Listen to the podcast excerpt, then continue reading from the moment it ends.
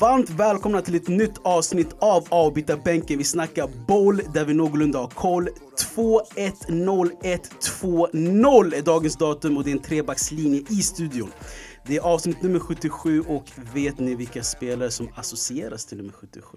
Jag säger spelare i plural för det är en del jag kommer på i alla fall. Alltså jag har ju en men han associeras inte med eh, 77, det är sjuan och jag tänker då på Quaresma som precis anlände till Inter och eh, Figo hade tagit nummer sjuan, eller hade nummer sjuan så Quaresma fick nöja sig med 77 innan Exakt. han senare tog över den. För det finns ändå en del spelare man kan hitta som heter 77 för det är en alltså, substitute number för nummer 7 när den är upptagen. Som det är som typ såhär 99 typ. Men jag hittade en del i alla fall. Eh, Henrik Mkhitaryan hade 77 i Arsenal. I Europa League i alla fall när han skulle registrera sig för 7 han var upptagen av, eh, vem var det? Skitsamma. Eh, Gigi Buffon, 77. Ja, Eh, Omar El Kaddouri, kommer du ihåg honom? Torino. Exakt, men han hade 77 i Napoli. Ricardo Quaresma som du sa, Luca Antonini, den Ja, gamla Milan-legendaren. En annan Milan-legendar då, Alen Halilovic. Eller Barca-legendar också egentligen. Eh, och eh, kommer inte på någon till som du borde veta alltså? Jag borde veta om det är. Mm. Tips då, kom igen. Alltså du borde veta, du ska ja, så veta. han spelar ju Inter. Exakt. Just i detta nuet? Marcelo Ja, Brozovic såklart. mannen! Självklart, det är klart. Det Marcelo. Brozovic och eh, Bukayo Saka. Så det finns en del i alla fall också, så det är ändå kul. Och, eh, alltså, de här namnen kan ändå bilda en five-up team typ. Ja, Det, ja. är ändå, det är ändå bra namn. Gigi Buffon, Omar El Kaddouri, Quaresma, Antonini, Halilovic. Och det är inte så ofta de här namnen nämns i den här eh, podcasten. Mm. Men jag tycker vi eh, kickar igång det här avsnittet tillsammans med Bukayo Saka och gänget. Ja. Kör vi! City glömde väl födelsedagstårta till Pep Guardiola när han kryssade mot, som det verkar, sitt tuffaste motstånd Crystal Palace. 2-0 underläge blev 2-2 via Agüero gånger 2. Newcastle tog en smash and grab vinst mot Chelsea. Den gamla Arsenal-spelaren Isaac Hayden gjorde 1-0 in i 94 minuten som även blev slutresultatet. Chelsea har nu förlorat fler gånger än Manchester United, Wolverhampton, Sheffield United, Crystal Palace och Arsenal. Mustafa, är du beredd på en till sorglig statistik? Här kommer den i alla fall. Den dyraste målvakten i världen, Kepa Arrizabalaga, har den värsta räddningsprocenten i ligan. Och av 132 målvakter runt i Europas topp 7 ligor är Kepa rankad på nummer 127. Okej, jag har varit hård mot The Blues. Här kommer en bra nyhet i alla fall. De ligger på en Champions League-plats. En Champions League-plats ligger inte Manchester United på. En ny förlust i kontot för OGS, denna gång mot Klopp och Liverpool. 1-0 via The Dijk och 2-0 via målvakten Alisson till strikern Mohamed Salah. Ja, ja, ja, jag vet. Assist-tabellen Jesse Lingard 0, Alisson Becker 1. Men de enda siffrorna som räknas för mig är Liverpool 18, Manchester United 20. Kan all hype för Leicester dö nu? Så, tack. För efter en ny förlust för rävarna mot Burnley kan vi konstatera att det var en bra helg för Liverpool. Alla lag ner till plats fem tappade poäng, förutom Arsenal. Alltså de tappade ju poäng, men de ligger tia. Tia i La Liga ligger Granada som gästade Camp Nou och Barcelona. Det såg länge ut att bli en mållös match i Kiki Setiens debut. Men ett rött kort för motståndarlaget, en Messi i hemmalaget och voilà, 1-0. Trots det blygsamma matchresultatet såg Barca låna fria, glada och främst tiki-takiga ut. Nu, de, nu när de är Valverde-lösa. Kul att se. Monstret Casemiro som Zidane kallar han för stod för två mål när Real Madrid vann mot Sevilla. Madrid-mittfältarna har nu stått för 14 mål hittills i säsongen. På tal om mittfältare, Sergio Canales, Carles Alenia och Andres Guardado. Så heter Real Betis mittfältarna. Och då nämnde jag inte ens William Carvalho eller Nebil Fekir. Vattnas det i munnen? Ja, här också. De grönvita avfärdade startspelaren Alexander Isaks Real Sociedad med 3-0. Inte bara en viss 38-åring i Italien som kan göra mål. Joaquin kan också. Atletico Madrid åkte på en chockförlust mot laget som ligger på plats 16, Eibar. 1-0 i tionde, 2-0 i 90 Kan all hype för Joao Felix dö nu? Så, tack. Valencia ville vara sämre och förlorade mot laget som ligger på plats 17, Mallorca. 3-0 i första halvlek. 10 minuter in i andra så pallade Dani Parejo förnedringen. Han tog sitt andra gula och gick in och duschade. Slutresultat 4-1 till Mallorca. Peter Lim, du kanske sparkade Marcelino för tidigt eller? Pepe Bordalas som vi med all rätt hyllade inför säsongen. Hans Getafe smyger bakom topp 4-lagen efter en vinst mot Lejanes som var minst sagt övertygande. Övertygelse saknas i Inter. Poängtapp mot den somaliske tränaren i Lecce gör nu att glappet till Juventus ökar fyra poäng emellan. Juventus strulade inte till det. Eller jo, Krille Dybala strulade lite lätt när Juve vann mot Dejans Parma.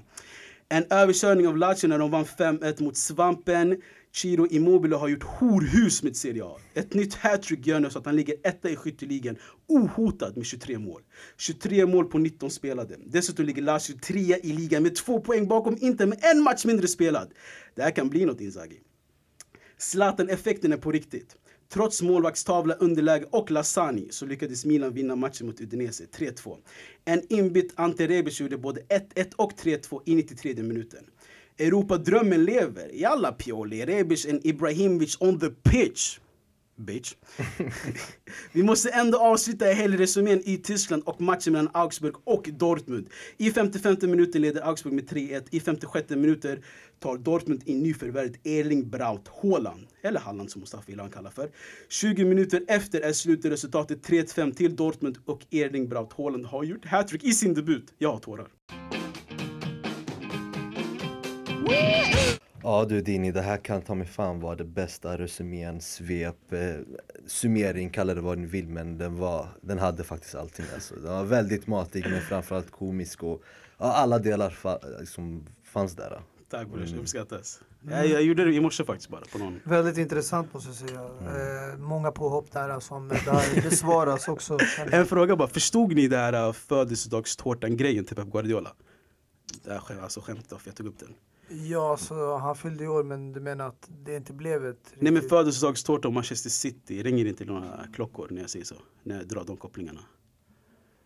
Kommer du ihåg Yahya Touré när han blev skitlack när han inte fick sin födelsedagstårta? Ja ah, just det, just det, just det. Hans agent Selke kom in och allting så det, det var bara kaos alltså. Ah. Eh, men eh, du sa att eh, mycket ska besvaras i det här. Vi kan väl eh, börja vi redan där och då. Vi kan ju landa där i England. Eh. Nej men den här statistiken i Chelsea, minst sagt kan vi väl nämna. Alltså jag sa att... Absolut, statistik finns alltid där men sen kan man ju inte enbart gå ut från statistik. För att det är ett genomsnittligt, det kan vara enstaka matcher och sånt. Så...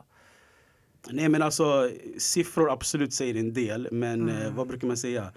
Men lie, women lie, numbers don't. Och mm. eh, av Europas sju toppligor och av 132 målvakter ligger Kepa Arrizabalaga på 127 av räddningsprocenten. Alltså jag vet inte, det, det låter helt otroligt om det frågar Ja, mig. men du måste också ta hänsyn till försvaret. spelar en stor roll i det. Ja. Eh, och vi alla vet, vi har väldigt många nya försvarare i backlinjen. Mm. Eh, och alla är mer eller mindre nya för varandra. Mm. Rudiger har aldrig spelat med Tomori eller Zuma förut. Mm. Zuma och Tomori har aldrig spelat med varandra förut och ingen av dem har spelat med Christensen. De enda som har spelat med varandra tidigare mm. det är Andreas eh, Christensen och Rudiger. Alla andra, det är nya ansikten för varandra. Och sen har du också ja, Reece James, ny Emerson har bara varit där ett år. Så det är alla, det är nytt lag, mm. nytt försvar inte... Med ett erkännande av att det... Alla vet att eh, balansen finns inte där i Chelsea. Mm. Det är väldigt dålig balans mellan eh, försvaret och anfallet. Och där, därav kommer eh, Dinis påhopp eh, för att det är så mycket eh, positivitet och man pratar så mycket gott om Chelsea. Med all rätt, okej. Okay. Till en ja, viss del alltså kanske, det är, men, ja, ja, men det är rätt. Men äh, försvaret bär ett stort ansvar. Nu jag ska bara ta ett exempel. Till exempel om du skulle ta bort Van Dijk ur Liverpools försvar. Tror du Alisson hade rankats som en av världens bästa målvakter? Nej, jag tror inte det. För jag tror hans statistik skulle påverkas mm. drastiskt. Nej, jag, jag, har alltid, jag har alltid stått bakom målvakter och jag tycker de har det tuffaste jobbet. Jag kommer ihåg att jag sa i ett avsnitt, eh, jag respekterar målvakter och dagislärare för jag tycker de har superjobbiga jobb. Mm. För om en målvakt gör en tabbe så är det kört. Men om en anfallare gör en tabbe så är det inte kört. Han kan göra hattrick några minuter efter bara. Mm. Så jag, jag backar alla målvakter. Men jag ser, bara, jag, jag ser bara fakta och vilka siffror jag såg. Sen tar jag ingen ställning Ja, det är statistik, fakta. Men också faktan är att vi har många nya spelare. Mm. Och ni har inte fått vi har ett helt nytt lag. Vi har inte fått värva. Vi har en tränare med ett års erfarenhet. Men det sköna att vi kan avsluta hela den diskussionen och den här faktan och statistiken som du har dragit upp med att vi ändå ligger på en bekväm fjärde plats. Trots alla de här uh, sakerna du har tagit upp. Så i slutet av Exakt, dagen... jag var, jag, var, jag var noggrann med att nämna det också, att ni är på Champions League-plats. Exakt, Efter så, eh, jag vet ju också varför du tog upp det. Det är för att eh, du vill ju också citera en viss eh, United-legend. Som eh, påpekade det också i studion. Ska vi ta och lyssna på honom eller? Det kan vi göra. I watched Chelsea last night. Chelsea, decent team. They couldn't get the job done. Frank Lampard's lost eight games. But for some reason, hey, Frank's doing all right. Frank, maybe because he's English. I don't know. Well, he's ahead of Frank's Man United. doing all They've right. had no transfer Frank's, window yet. Frank's track record, CV, went to Derby, didn't get promoted. But Frank's, Frank's got all the answers for Chelsea. He hasn't. But you Well, give him time. I'd say give the man time. I completely agree. It's nothing to do with Ollie and all this carry on. Give him a time. And the three previous managers before Ollie, are you telling me they don't know what the game is about, Jamie? They know what the game is about. Ja, eh, som du hörde där. Eh, ja, Keane han tyckte ju att eh, Solskär är i samma sits som Lampard. Men vi alla vet att det inte stämmer. Därför att han eh, först och främst Han har fått värva, vill du säga. Bland annat att han har fått värva och han har fått eh, ta en titt på United-laget förra året. Så han fick ändå en, en halv säsong, ett halvår på att göra en liten undersökning, kolla vart han behövde förstärka eh, och hur han skulle bygga det här laget till sitt eget lag. Lampard började i somras utan några värvningar alls. Och eh, ja, jag skulle säga att de har mer eller mindre samma typ av erfarenhet tidigare. Solskär har tränat längre period men han har inte heller tränat någon... eh, Så vad, alltså, vad, vad, är, vad, vad är det du vill säga med den här kritiken? Alltså, du, du, du, tycker kritiken är fel, med andra? Nej, kritiken är ju... Just nu, de lägger bara fokus på resultatet. Men man måste kolla också matchbilderna. Hur ser Uniteds matchbilder ut när de väl spelar, även om de förlorar? Ser man ett positivt tecken? Spelar de bra fotboll? Eh, dominerar de matcher eh, med målchanser, bollinnehav? Skapar de eh, flera lägen än sina motståndare? Det är där varför Chelsea och Lampard får bra cred. Det är för att de gör den där delen bra. Men de måste sopa undan sina små misstag. De måste skapa en bättre balans mellan den defensiva och den offensiva delen. Det är det som just nu saknas. Men det är ett lag i bygge som är i rätt riktning. United just nu, helt ärligt, jag känner som att det här är ett vilset lag. Jag känner inte att de är på rätt spår. Alltså, okej, det var, kändes lite grann som att man hittade någonting där när man hade McTominay i mittfältet. Han började växa in i den rollen. Eh, Wan-Bissaka en bra försvarare, men i helhet, när vi pratar hela laget. Alltså till exempel, om vi ska prata om Uniteds bästa spelare idag, det är Pogba. Hur ska han komma in i det här laget? Hur ska han göra förändringen? Mm. Alltså när vi pratar om Roy Keane, alltså jag håller faktiskt med det han säger. Alltså, han har ju rätt i det han säger. Åtta förluster, Dundin nämnde de här, den här statistiken. Det är ju dålig statistik och det är dåligt facit som de har. Enda anledningen varför man hypar Chelsea eller inte ser dem på eh, samma sätt som de andra lagen det är för att de ligger där eh, på fjärdeplatsen. Och det är den and, eh, enda anledningen. Det är inte den enda anledningen. Jo, det är den enda Nej, anledningen. Anledningen är också att de har inte värvat. Nej, nej. För Vi det, kör bara med akademispelare, ungdomar. och det är det jag menar, när det kommer till statistik, man ska inte fastna bara i statistik. För att det finns lag som har gjort det ännu sämre än er, som ska göra det bättre också. Som United, som definitivt Tottenham är en av dem, och Arsenal. Jag tycker att de här tre lagen ska göra bättre än Chelsea. Men de har inte gjort det och eh, det är därför eh, man fastnar på den statistiken om att Chelsea ligger på fjärdeplatsen. Även fast de har gjort det riktigt dåligt, men de, alltså enligt mig i alla fall, de ligger på fjärdeplatsen. Och det sa jag också förra säsongen. De ligger på fjärdeplatsen för att lagen bakom gör det sämre än dem. Mm, Så bara för att man ligger på fjärde positionen så betyder det inte att man gör det bra. Det är det jag försöker komma fram Nej, jag till. fattar, jag fattar. Och man ska inte stirra sig blind på statistik heller. Men grejen är, det, det, Chelsea, som, det som backar Chelsea är att de eh, har inte fått förvärva. Och Frank Lampard är, är en så pass ny tränare och, och han presterar ändå ganska bra med det, de resurserna han har och ligger fjärde plats. Så det ska han få cred för. Men alltså ni missar fortfarande Men- den stora poängen. Det handlar om det spelmässiga. När en tränare kommer in, oavsett om han har ett helt nytt lag, han har gjort värvningar eller inte, det är unga spelare, äldre spelare. I slutet av dagen, man hämtar in en ny tränare för att han ska bygga upp en spelidé. Han ska ha en filosofi viss som laget ska spela och följa och det ska klicka. I United klickar det inte. I Arsenal med Unai Emery, varför han fick sparken, det klickade inte. Nu man känner att de får inte med sig resultaten, men det klickar mer med Arteta. I Lampards fall, det klickar jättebra i Chelsea. Det enda problemet är man gör för många misstag där bak och man är inte tillräckligt klinisk där framme. De har skapat jättemånga matcher där man kunde ha vunnit med två, tre siffror men istället har man förlorat med ett mål. Speciellt de här hemmamatcherna mot West Ham, mot Bournemouth där man skulle kunna vunnit, tagit tre poäng. Istället förlorar man i slutet av matchen. Det Alltså, där är jag, den alltså jag säger så här när det gäller United, absolut. Det är, det är, ett miss, det är misslyckat, det är, de är löjliga, de är patetiska, alla ord jag vill använda, absolut. Men du frågade mig, ser man något i United som kan gå framåt? Jag ser absolut något. Jag ser något man kan vidareutveckla.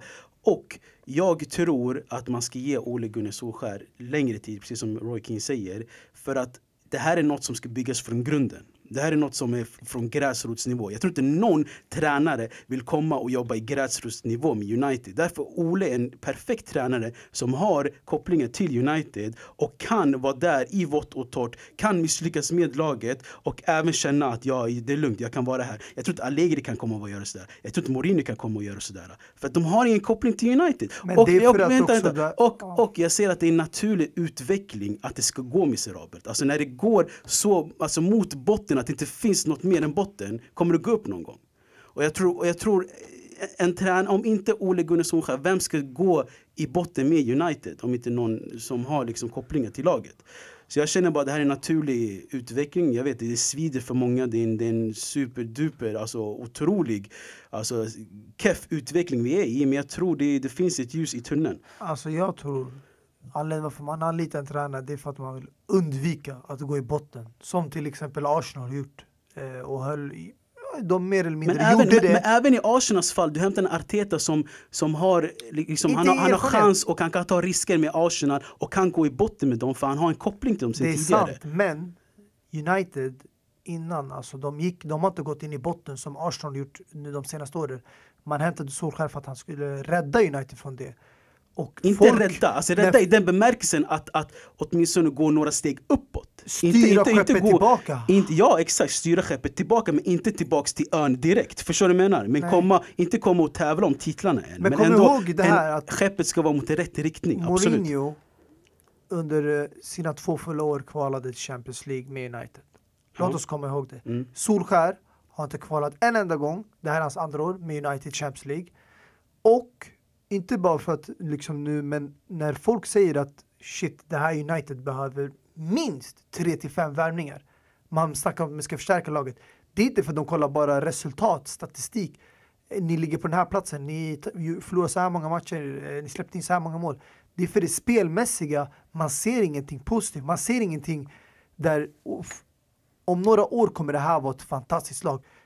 Det bästa exemplet det är när United vann City borta. Folk applåderade för att det var en vinst mot eh, topp, det bästa laget i Premier League som har vunnit ligan de två senaste åren. Men Chelsea som förlorade borta mot City, många såg positiva delar med det. Även om vi förlorade, det är för hur vi kontrollerade matchen, hur vi dominerade. United hade bara ren tur. Nej, de alltså, körde menar, alltså, kontringsfotboll, de skapade två, tre lägen, de gjorde mål på två av dem och stängde där bak. Det är jättebra, men alla vet namnet Manchester United ingen klubb som går och parkerar bussen mot ett lag som City. Jag det gjorde fattar. aldrig jag, jag, Ferguson. jag, jag ska bara se, se sista grejen, jag fattar. Alltså på sju år sedan Ferguson lämnade, vi har kvalat två gånger i Europa. Det, det, det är misslyckat, jag fattar. Mm. Men det jag försöker säga här är att folk glömmer, för det första folk glömmer bort under de här 30 åren, jag ska inte börja snacka om historia, men till de här 30 åren när Liverpool var tangerade på 18 ligatitlar och vi hade 7. Sen dess har vi kommit upp till 20 och de är fortfarande på 18. Folk glömmer sånt. Folk tänker på nuet, absolut nuet, absolut. Vi är jättemisslyckade. Men vi, vi är Englands största lag och jag tror att vi, alla har Men nu dippar och pratar vi nutid. Absolut nutid, vi är misslyckade. Vad ska jag säga till dig? Det är patetiskt lag. Men jag Exakt. tror på att det finns en, eh, ett ljus i tunneln. Och, Ja. eh, Det är det Roy King tror och jag tror att han drar alltså sina, alltså han, han tänker på den erfarenheten, erfarenheten han har gått igenom med Sir Alex Ferguson För det gick inte ut så bra från början för eh, Sir Mm. Alex Exakt. Men sen så blev det bättre och bättre och han jag antar att han tror att bara för att det gick sådär för Sir Alex Ferguson så tror han att det kommer hända med alla. Som Ole, som Frank Lampard. Det är därför han säger ge dem tid. För eh, det, det, kommer- bli bättre. Men, man måste ändå se någonting positivt för att ge personen tid. Alltså man måste se någonting som, vet du vad, okej du kvalade Champions League. inte, inte Okej, positivt. du eh, vann inte någon titel, cupen någonting, men vet du vad? Vi såg många, till exempel Liverpool, varför de har hållit fast vid Klopp och de gjorde helt rätt i det. För även om Klopp inte vann en enda titel på fyra år, vilket jag tycker också är ett misslyckande. Jag vet varför de höll fast vid honom, för de såg en väldigt positiv utveckling under de här åren. Och sakta men säkert han byggde upp sitt lag och la till de här sista pusselbitarna. Mm, mm. Mohamed Salah, Van Dijk, Allison och han fick allting på rätt plats. Men Solskär, snälla grabbar, pusselbitar. Mm. Maguire. Ser du det som en oj vilken förändring i laget? Han har gjort en stor förändring från förra året till.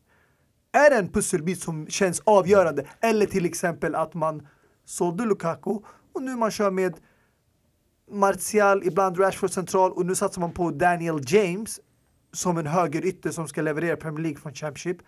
Och sen Wa- Wan-Bissaka som ja, har ju fyllt Ashley Youngs.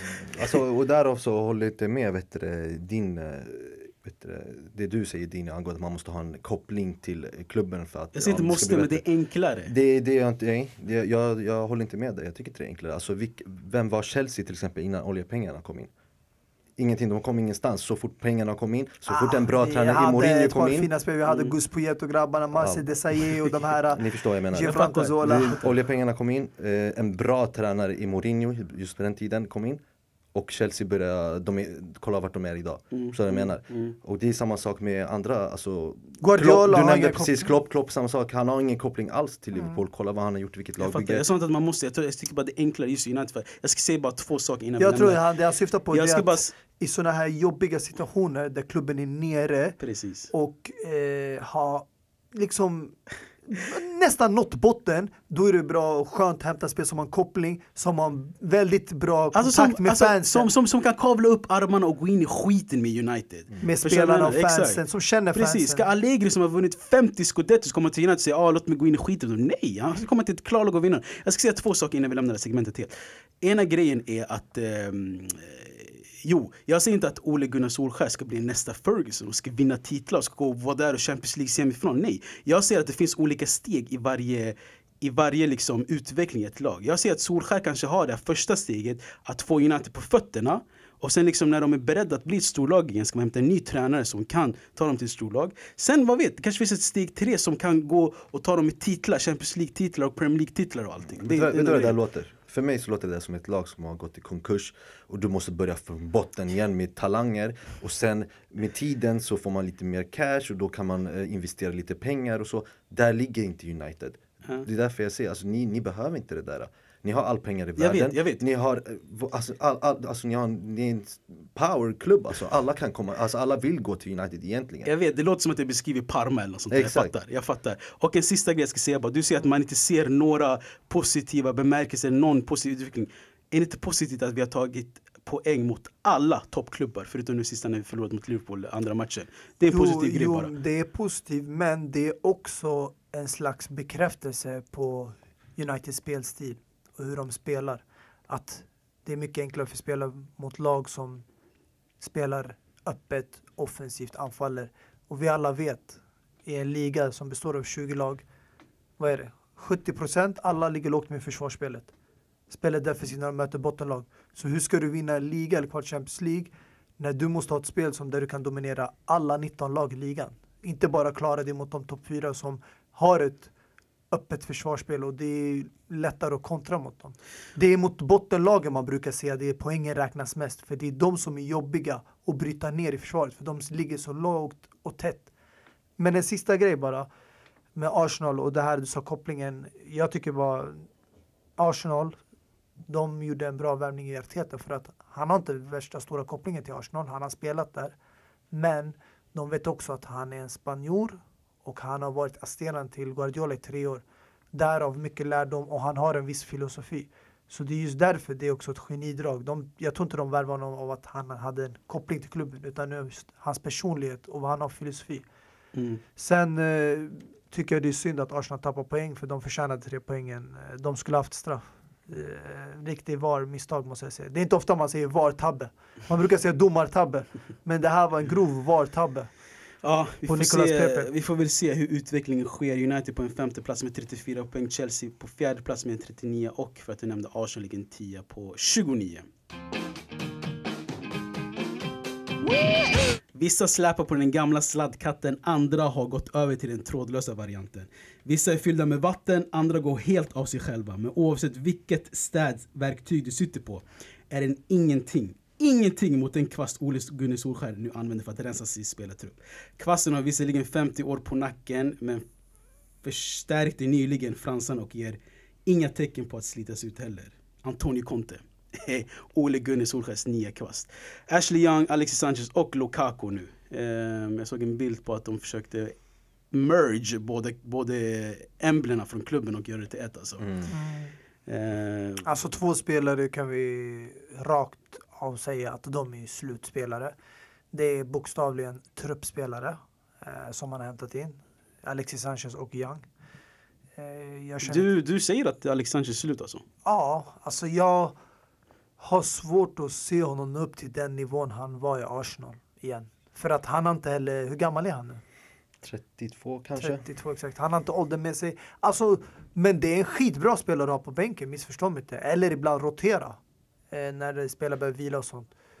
Eh, men eh, jag ser inte att de här kommer vara avgörande eller nyckelspelare. Eh, så, Nej men det sa man inte heller om Romelu Lukaku men kolla vart han är nej men nu idag. Lukaku är ändå startspelare, det vet vi. Är Young, Nej, men det kommer kunde- han starta? Mm, Exakt, låt oss prata lite om Young och Moses också. Som nu Ja, fortfarande tillhör Chelsea, var utlånad till Fenerbahce sist. mm. Men nu kommer utlån från Chelsea För det till där Inter, är eller hur? värvningen förstår jag mig inte heller på också för att jag vet att Antonio Conte, Eh, han spelar med sin trebackslinje med uh, wingbacks. De alltså Victor Moses funkade bra i Chelsea men det är för att han gjorde ett bra defensivt jobb som wingback och han löpte upp och ner på banan. Men det här, dagens Inter, spelar med två anfallare. Det gjorde inte Chelsea. Vi hade våra yttrar, William, Hazard, Pedro som gjorde magin bakom Diego Costa. Inter kör mer inläggsspel, oftast kan driva mot Lukaku och Lautaro. Victor Moses har inte en bra inläggningsfot. Det ska ni veta. Mm. Han är ingen Young eller sån här kan driva som har en fin inlägg så. Hans inlägg är Young, det katastrofala. har väl inte Young heller alltså? Young har satt Young en, har ett väldigt- inlägg på typ fyra år. Men alltså, Young nästan. har en väldigt alltså, bra, när du vet han spelar vänsterback, han viker in Mm. och lägger de här inläggen eller ibland mot krysset. Han har en fin, han kan skruva in bollen. Victor Moses inlägg är katastrofala. Så den värvningen förstår jag inte riktigt. Men å andra sidan, vem säger att han kommer starta? Han kanske blir bänk bakom Akandreva eller Dambrosio. Nej jag har ingen aning faktiskt. Jag, jag känner ingenting för de här värvningarna faktiskt. Ingen skillnad, eller hur? Ingen Jo. påverkan kommer de göra. Nej det kommer de inte göra, det känner jag absolut inte. Och jag förstår faktiskt inte de värvningarna. Alltså visst, man ska inte gå emot Antonio Conte för han kan eh, få spelare att bli riktigt bra även fast man inte tror det. Mm. Eh, men i de här spelarna så, vad är det de kan göra? Och sen eh, så pratar vi mycket om inläggsspel och så. Det är ett spel som Inter definitivt inte kör. Eh, för om vi pratar bara inlägg så har mittfältare gjort mer assist genom inlägg än yttrarna. Yttrarna det är de som ska skära in i banan. Men, Och Ashley Young och Moses. Mm. men vad försöker Antonio Conte se med de här värvningarna då? Det, det, jag, vet, jag har ingen aning, jag förstår mig inte faktiskt på Conte. Jag, jag fattar ingenting alltså. Alltså jag skulle säga bredd på trupp. men det, Men det, å andra sidan, Inter ja, kan- de är inte med i Champions League, men de har ju Europa League att tänka på. Där kan man kasta in spelare som Sanchez, Young och Moses om man vill vila de andra. Men kan man säga, kan man säga att eh, Conte är en tränare som kan få det bästa utav spelarna? Ja, det tror jag faktiskt. Men eh, maxkvaliteten eller den här toppkvaliteten av en spelare av eh, Moses kaliber eller, eller Ashley Young, alltså den är inte hög. Den är inte så hög. Alltså, jag, alltså i så fall, det lilla vattnet som finns i de här trasorna på Young och Moses försöker han väl squeeza ut nu. Mm, exakt. Eh, Moses hade väl ett skitbra år med Conte, men jag tror det var temporärt, det var form, det var bara Två det. år. Ja, okej, två år då. Ehm, Temporärt Alltså- skulle jag inte säga. Vi... men det var en toppform tror jag bara, han kom upp till en toppform, sen dalade Ja, liksom men du måste också tänka på Men jag tror grejen är, alltså, de, ni spelar med wingbacks också väl Inter? Ja. Ja, så det är väl alltså ändå en logisk ja. värvning ja, ja, ja, förstå mig rätt. Alltså det är en logisk värvning, absolut. Men för att hinna ikapp och kanske för att vinna ligan, nej då är inte det de här spelarna man ska söka efter. Man ska söka efter mycket bättre spelare. Och det är Men- det jag menar, det är en så stor skillnad mellan Juventus och Inter. Men alltså Victor Moses var ju andrahandsvalet. Man ville ju först byta Politano mot eh? Spinazzola, Spinazzola. som failade. Ja, som eh, det gick inte igenom och Mm. det är därför man har hämtat in, jag tror Victor Moses istället.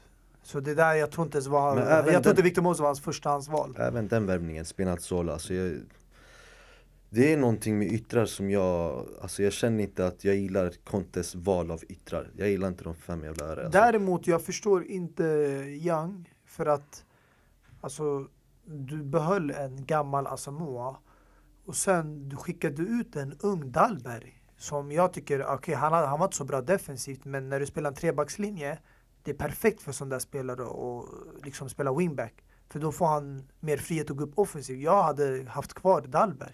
Ja, man bytte ju honom mot Cristiano eh, Birardi, Birardi som ja. har gjort det faktiskt hyfsat bra. Så, nog om det, jag vet inte, ja, det, det är mer de Men, större eh, spelare som man vill prata om som Christian Eriksen som eh, kanske är på väg och jag tror att han kan göra lite skillnad. Eh, Hur går den processen då? Jag hörde sist att de var på en lunch, hans eh, agent och eh, Beppe Marotta. om- Beppe Marotta.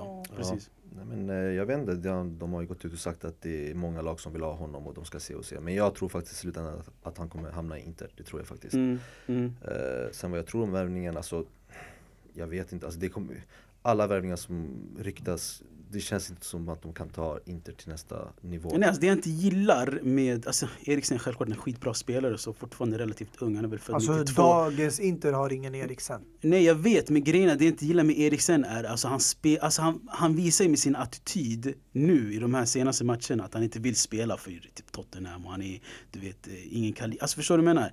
Alltså vill man ha sånt, spelare som visar liksom att ah, de, de ger och tar, de, de, det är som en Özil liksom. De är riktigt humörspelare typ. Men det kan han inte göra framför, eller när han har Conte som tränare. Nej det är det jag menar, jag tror, jag tror han kommer vara skitbra i Inter, absolut. Men vem vill ha en spelare som väljer när han vill spela bra och väljer när han vill spela dåligt? Jag Alltså inte. jag förstår exakt vad du menar. Det, är, Mm, alltså det handlar om mentaliteten. Att så länge man spelar för den klubben man är i, man ska alltid ge hundra. Mm. Och det är så du tänker. Och det är nu Eriksen, man känner inte att han ger det och det Precis. är just därför han lämnas Precis. utanför Det är startelvan. en dålig attityd. Och det är det Conte är känd för. Jag tror Conte är den enda tränaren när det kommer till just det här. Och jag tror han söker just de spelarna, de som är problematiska, de som har du vet, lite lallare. Många, alltså vi kan ju tänka på, eh, prata om eh, Arturo Vidal som är en sån, han är ute och dricker, han gör det här och det och det och det. Men när han har Conte som tränare, då är han värsta spelaren. Samma sak med Pogba, vi ser honom idag. Hur var han under Conte? Den värsta spelaren. Och det är det med, och det är hyfsat. han var skitbra i Juventus under Conte. Ja men alltså jag tror inte han hämtar bara sådana, alltså om du kollar i Chelsea, alla spelare som var sådana spelare han gjorde sig av med. Ja, nej, men, Alltså, och Diego Costa, och, Diego Costa en Diego Costa spelare. problem, han gjorde av sig, han sålde honom. Ja. Du vet att David Luiz, det här har inte kommit ut, men David Luiz i andra året, han hade ju beef lite grann med Conte. Mm. Där, eh, sen hade ju William också det. Och det var på grund av att han störde sig också på Oscar. Som var också sån där som ute och gick och sådär. Och det var därför han sålde Oscar när vi sålde honom till Kina. Och jag, jag vet inte, jag har svårt att säga att han gillar sån här bråkstak eller sån här som är lite... Ja. Nej, men, nej, men när vi ändå är inne i förvärv och transferfönstret och så, ska vi inte snacka om eh, den hetaste, hetaste ryktet? Edison Cavani som, kan, eh, som vill lämna PSG, han har själv sökt in en transfer Gärna. Begäran exakt. Eh, alltså om ni frågar mig, jag, om jag var Cavani, jag skulle tagga till eh, alltså sex månaders lån till Barcelona. Suarez borta, du får spela med Messi, vinna La Liga. Alltså det är, det är en drömvärvning för Barcelona också nu när Suarez är borta i, vad är det nu, sex Sex veckor? månader. Sex var det. månader, förlåt, till och med sex månader. Eller fyra månader var det. jag tror Ah, okej, fyra månader. Ja. Eh, men jag vet att du flinar om att han ska komma till Chelsea så bör vara ett, eh, alltså en värvning för eh, Lampard också tänker jag för att eh, det är, man har bara Abraham och Batshuayi i, i den fronten men Och eh, Giroud som för övrigt kanske kom, eh, som är också en standby som ska komma till Inter. Man behöver bara få Precis. bort Politano. Annars kommer man ha de tre anfallare där. Och hade jag varit Cavani så skulle jag aldrig gått till Chelsea. Det är Nej, klart som fan, det är hans sista år. Det är som du sa, antingen går till Barcelona eller så har det Varför det inte? sista, nej har, Alltså det finns ju fördelar med att gå till Chelsea också. Nummer ett, du får spela i världens bästa liga. Och i Premier League, som många vem? drömmer om. Och eh, Cavani har själv pratat om Premier League förut. Och om det är någon han ska göra det nu, innan han blir för gammal. Nummer två, du får bli coachad av en spelare du har mött på plan. En spelare som du respekterar.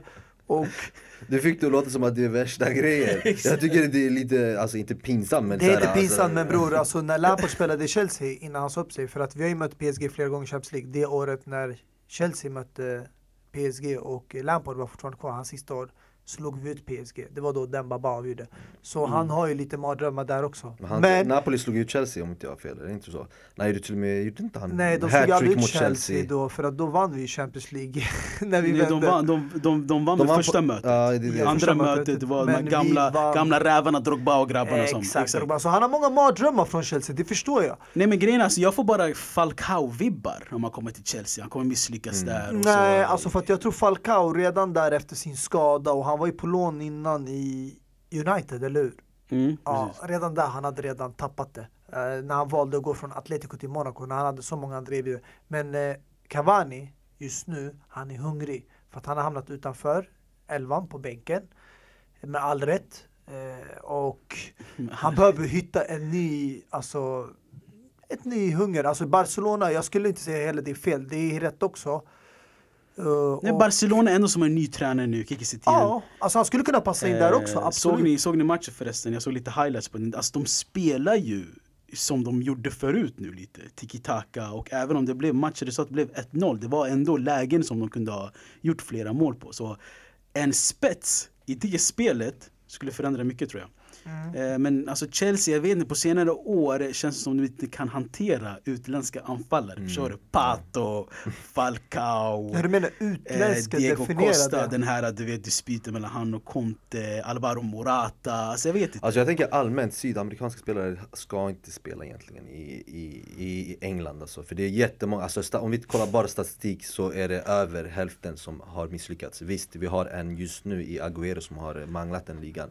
Men annars, Men det är bror, inte vad många snackar du om? Eh. Luis Suarez? Ja, det är inte Liverpools hetaste Ja, vi spelare kan då? nämna flera stycken. Vi kan Jag nämna, kan nämna Carlos. Tevez, vi kan nämna några spelare till. Men statistiken säger, jag kan rabbla upp miljarder stycken spelare som har misslyckats också.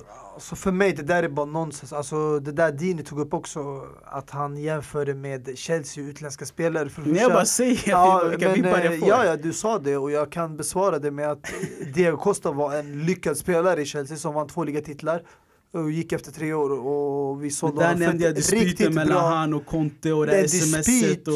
En dispyt mellan tränare och spelare avgör inte hans prestationer. Han var fortfarande bra och han levererade. Morata kan man säga, okej, han levde inte upp till eh, kanske förväntningarna, men där också kan man argumentera att hela laget i sig var inte bra det året. Eh, och det var många saker som var fel. Men Cavani är en erfaren spelare. Han har mycket erfarenhet och spelat i Champions League och sen eh, Serie A, franska ligan. Och eh, i ett sånt här lag, ungt Chelsea, där man är väldigt hungrig och alla vill visa framfötterna. Jag Mm, tror han mm. skulle kunna få en kick. Och jag tror inte någon tackar nej till att eh, spela sina sista år i Premier League. Nej, men det Vi var snack, Zlatan nu gick ju till Serie A. Ja. Mm. Och det är där, där så känner jag också att han, förutom, alltså han vill ju gå för att spela som start.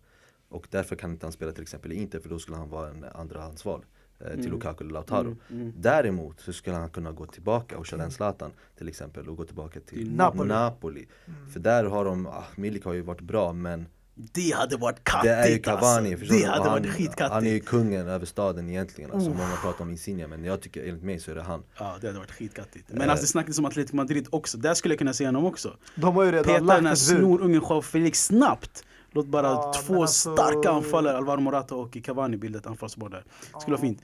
Men eh, vad På tänkte tal, jag på på? tal om eh, Morata nu, det- jag kollade på en sån här meme eller någonting roligt på Instagram där eh, när Valverde kapade honom, det, när han var helt fri Mm, mm, mot mm. mål. Har ni sett den? Är det vilka jag menar?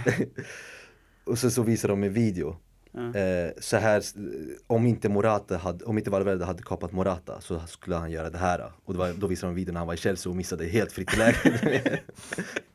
Så Valverde räddade ändå Moratas eh, stolthet kan man säga. Ja, kanske. exakt. För det är inte 10 och 10 han skulle sätta, jag, vet inte. Det är, Jag håller med alltså. Fernando Torres vibbar, jag vet inte mot United. ah, det där var ju inte friläge, det där var ju öppet mål också. Exakt. Men, Nej men på tal om eh, anfall, när vi är anfallare. Chiro Immobile. Exakt, det var han jag ville komma in på. 23 fucking mål i ligan på 19 spelade. Ja, jag har ju Och alltid sagt tvåan ligger Cristiano på 16.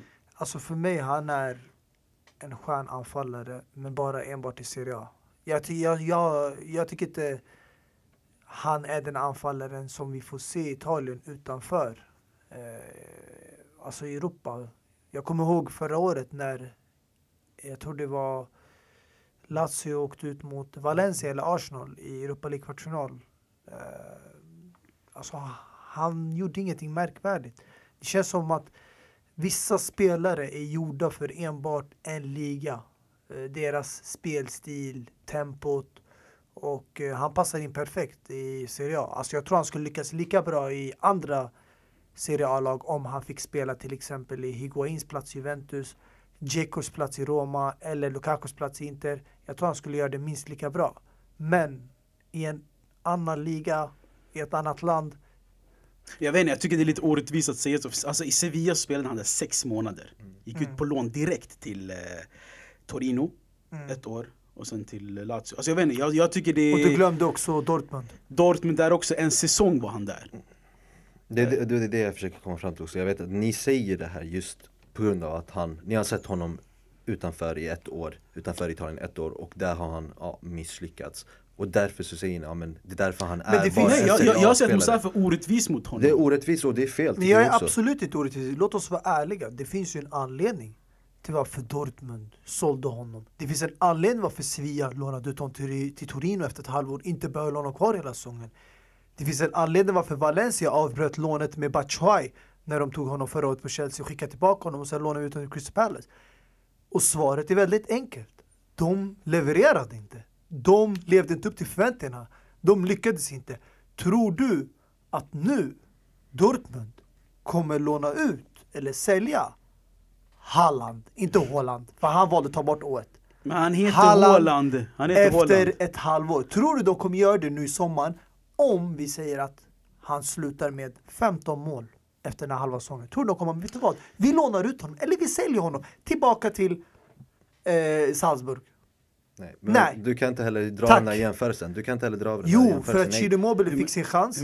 jag ska, ja, för att nummer ett så hade, har eh, Haaland en mycket större hype än vad eh, Chiro Mobile hade. Hypen Chiro Mobile är- hade aldrig spelat Champions League, det här är hans första Champions League, Haaland. Jag tycker, det är ännu värre, han gjort. jag tycker det är ännu värre att ha hype. För när du har hype, du har sån press på dig. Nej, det är det. Alla har hört redan mitt namn, alla kan nej. ditt namn nu, alla har värsta förväntningarna på dig. Exakt. Chiro Mobile, jag hade inga förväntningar på honom i Dortmund. Exakt, varför? Varför? För att Varför han pratar vi köptes- så mycket om Chiro Mobile idag och inte förut? För att, För jag, att han, inte köpte sitt- är samma typ av spelare som han var förut. Förut så var han en talang, en normal, för han var ändå är han, 23. Mm. Eh, Holland just blev yngre tror jag än, än vad han var han- innan han kom till Dortmund. Mm. Och han var inte lika stor som Holland är just nu. Han hade aldrig spelat Champions League. Han, vet, han var inte den spelaren som han, var, som han är idag. Och det är det, alltså Chiro Mobile under den tiden, ingen skulle tro att han skulle bli så här bra som han är idag. Men det är nu man utvecklas ju och nu har han visat en sida där han är riktigt bra. Och ja, jag förstår det. Det är klart man kan tänka att ja, men han gör det bara bra i Serie A. Men det är inte bara i Serie A, det är för att Lazio har gjort så att spelet eh, kretsar kring honom. Han har spelare som eh, är väldigt bra bredvid honom också, därför går det så jävla bra. Jag är inte 100% säker på att han skulle kunna göra det lika bra i ett annat lag i Serie A. Jag tror inte han skulle kunna göra det lika bra i Juventus eller Inter eller något sånt där. Jag tror bara att han gör det riktigt bra i det laget. Men Och därav- Det är det och jag tycker det är helt okej. Ja, ja, Okej, jag, men det är helt okej och det är jättebra. Men då är min fråga det här, varför gick det inte så bra för honom de två senaste åren i Europa League med Lazio? Där man har spelat med startelvan efter gruppspel och man har använt eh, från start. Varför lyckas man inte mot de här utländska klubbarna?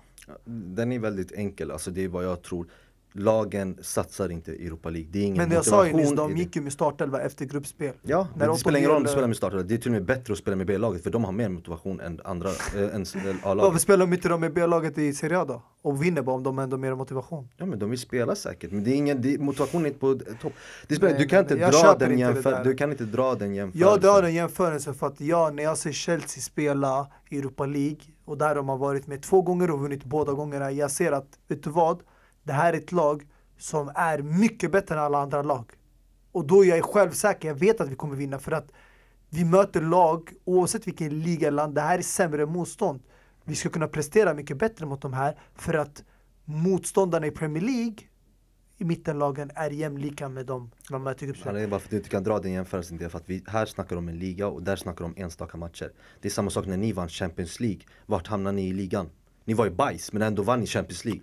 Så vad betyder det? Att ni är bättre än lagen i Premier League då också? Nej, eller? Jag ibland- du? Men du? Ibland drar ibland gäller det att vara bra går. enstaka matcher, men Chiro Mobile, och det här faktum kvarstår, han har aldrig bevisat utanför Italien. Punkt slut. Nej det har han inte gjort. Men Och därför- Men vad är grejen? Alltså vad är grejen om man inte bevisar det utanför? Serie A är en topp toppliga i, i Europa. Men fortfarande när vi Och- pratar om världens bästa anfallare, när vi nämner namn som Agüero, Cavani, Messi, Suarez. Det Messi. här är spelare som deltar i Champions League, inte Europa League. Och de presterar på den nivån. De är inte bara med och deltar och spelar för sitt lag och representerar någon klubb. Nej, de gör ett visst antal mål. Lewandowski, Cavani, eh, Agüero. De gör inte kanske vinner skytteligan, för det är alltid Ronaldo eller Messi som vinner skytteligan Champions League. Men Nej, de alltså är jag, där. jag, alltså jag tycker bara där du är här och nu och du levererar och gör mål, det är okej alltså. Jag Mm. Alltså det är okej, jag har Alltså, inte sagt att ja. Chiro Immobile är bra anfallare. Nej men, en nej, men det är, extremt nej, du, du kommer med den här kritiken att han inte lyckats i Sevilla eller eh, Ja. Dortmund. Eller, Ja. Okej fine, han, han gör det bra i Lazio nu. Det är väldigt enkelt. Fine, men alltså jag, om jag pratar om världens bästa anfallare, det är därför också när jag pratar om Jamie Vardy, jag har aldrig kunnat ranka honom bland de bästa för att han har inte bevisat utanför England. Men i så fall kan du säga Däremot- samma sak om Messi. Du kan inte säga jag att Messi säga. kan rankas som för han har inte bevisat något utanför Barcelona. det är samma men, sak. Men Messi bror, han har spelat Champions Jag League. vet i Europa mot andra lag, men han har inte spelat i ett annat. Det är samma sak där. Han, Barcelona kanske att laget kretsar kring Messi, men om Messi skulle tagga till eh, Lazio eller Sevilla eller Dortmund, han kanske skulle, skulle vara så lika bra. Vi vet ju inte, vi kan spekulera hela tiden. Men eh, ja, ja, skitsamma. Eh, Jag, jag har bara en sista fråga, Ja. bara för att eh, sätta er på plats här. Har Immobile vunnit skytteligan någon gång? Ja, När då? eh, två, för två, eh, tre, två år sedan. Två år sedan? Ja, Med vem då? Med Lazio? med Lazio. Tillsammans med Icardi. Jaha, tillsammans. Det spelar Delad. ingen roll. Det Delad, spelar ingen roll. tack. Det är den här killen, det här är nog kanske första gången, om nu, vi vet inte för att ligan är inte avgjord. Kanske första gången han vinner skytteligan någonsin. Och sen nej. han har aldrig sen, vunnit tidigare skytteligan, han vann aldrig med Torino förut. Vänta, vänta. Så vad jag försöker komma fram till är att Det gjorde det han här visst. är en lyssna, klassanfallare. det gjorde han visst. Under Torino så tror jag till och med så vann han Du skytteklubb. tror, jag är, tror jag är i kyrkan eller moskén. Här äh, har jag fakta och faktum Ja, är då, då att inte Immobile, han är en fantastisk anfallare och självklart. Men jag tror att en, en anfallare av sån kaliber, hade han verkligen trott på sin förmåga och verkligen gå till nästa nivå, tror inte någon spelare som representerar ett lag som Lazio Fiorentina här gör ett nästa kliv, stort kliv till en topp, toppklubb. och inte, för alltså- att till exempel få chansen att spela Champions League och till och med vinna den. Tror inte man skulle vilja göra det. Sen finns det de här spelarna som Jamie Vardy, de, här, de stannar, vet du varför? Bekväma. De gillar bekvämligheten, de känner sig Ja, säkra. and that's och de all vet right. att That's all that's right. all right. But you just gotta know if you stay there, you will never be seen as one of the best in the world. Nej, but you alltså- can be seen as the best in the country. Ja, jag vet inte. Alltså, det, du, det går emot det du säger hela tiden. Men Ah, jag skitsamma. det, men okej. För att du Ah. säger att du, du kan inte se som en av de bästa i världen om du inte har spelat någon annanstans. Då kan du inte se Messi som en av de bästa i världen. För Men att du, Messi, men sen säger du att Messi har spelat i Champions Europa. League. Jag Chiro vet Immobile har aldrig vunnit en titel Ja. utanför Italien. Han vann Supercupen och Coppa Italia. Sen lägger jag inte Chiro Immobile i samma kategori som Messi heller. Men skitsamma. Ja, jag brukar sällan ha fel och jag brukar ha rätt faktiskt. Och Chiro Immobile vann skytteligan med Torino. Ja. Så där, och han har vunnit den två gånger faktiskt, för jag vet att han vann den Case- nu för två år sedan också. Case closed. En gång yani har han vunnit Och han den. kommer göra det Ja, men, nu okej, också. Kan vi, kan, vi, kan vi stänga Immobile-caset nu? Eh, Immobile som fyller eh, 30 om en månad befinner sig i sina bästa år när det gäller anfallare i Italien skulle jag säga. Eh, när vi ändå är inne i anfallsspåret och nyförvärv ska vi bara ta John Guidetti också bara innan vi stänger det här segmentet helt. Som eh, gick på lån i Zweite Bundesliga, andra ligan till Hannover eh, 96. Spontant, vad säger vi om den värvningen? Alltså jag fattar, han är ute efter efter speltid och ute efter eh, att komma till en eventuell EM-trupp tror jag. Mm. Men är andra divisionen i Tyskland rätt väg att gå? För Janne Andersson, absolut, det tror jag faktiskt. För jag tror han skiter i vilken liga du än spelar, det ser vi med Marcus Berg till exempel och så vidare och så vidare. Eh, så jag tror det viktigaste är bara så länge du spelar Mm. så tar... eh, alltså, Så hämta- finns du med liksom Exakt. i, i, i, i ekvationen att kunna Ja. komma med i en eventuell EM-trupp. Däremot tycker jag att det är, jag vet inte, eh, om det nu är fel eller inte, jag tror det är faktiskt den enda chansen, kanske inte den enda men det bästa alternativet han fick att gå just till det där laget. Ja. Jag tror inte han fick bättre erbjudande. Men det snackades om Feyenoord, det snackades om eh, Mexiko också. Eh, Men till slut hamnade han i Zweite. Ja. Men det ska bli kul att följa honom i alla fall och få se honom spela. Ja, det där är en fet bob bro, för du kommer inte följa honom. för kolla på honom i Bundesliga 2. bro. Alltså följa acceptera. betyder att man ska kolla 90 minuter. Man går in på livescore och följer och läser lite, kollar lite highlights och, och du vet målen. Det är följa. Ja. Med det sagt, jag tycker vi avslutar tisdagens matiga avsnitt ändå. Vi har några matcher att se fram emot redan ikväll. Chelsea-Arsenal. Arsenal får en tidig revansch redan nu, efter några veckor sedan bara de spelade. Sen har vi Coppa Italia, Juventus och Roma och eh, andra matcher imorgon också i form av United Burnley till exempel. Och ikväll också har du även Napoli-Lazio. Precis. Eh, derby alla Baby Blue. eh, eh, snabbt bara, Chelsea-Arsenal, vad tror vi? Alltså, jämn match kommer det vara definitivt. Jag tycker eh, klubbarna befinner sig i, ett, i liknande situation. Och eh, båda lag kommer gå för vinsten, definitivt. Eh, om jag känner Arteta rätt. Ja.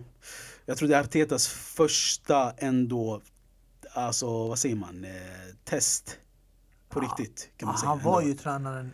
När han mötte Chelsea Ja, i... Eh, exakt. Men jag menar nu en gång till revanschen.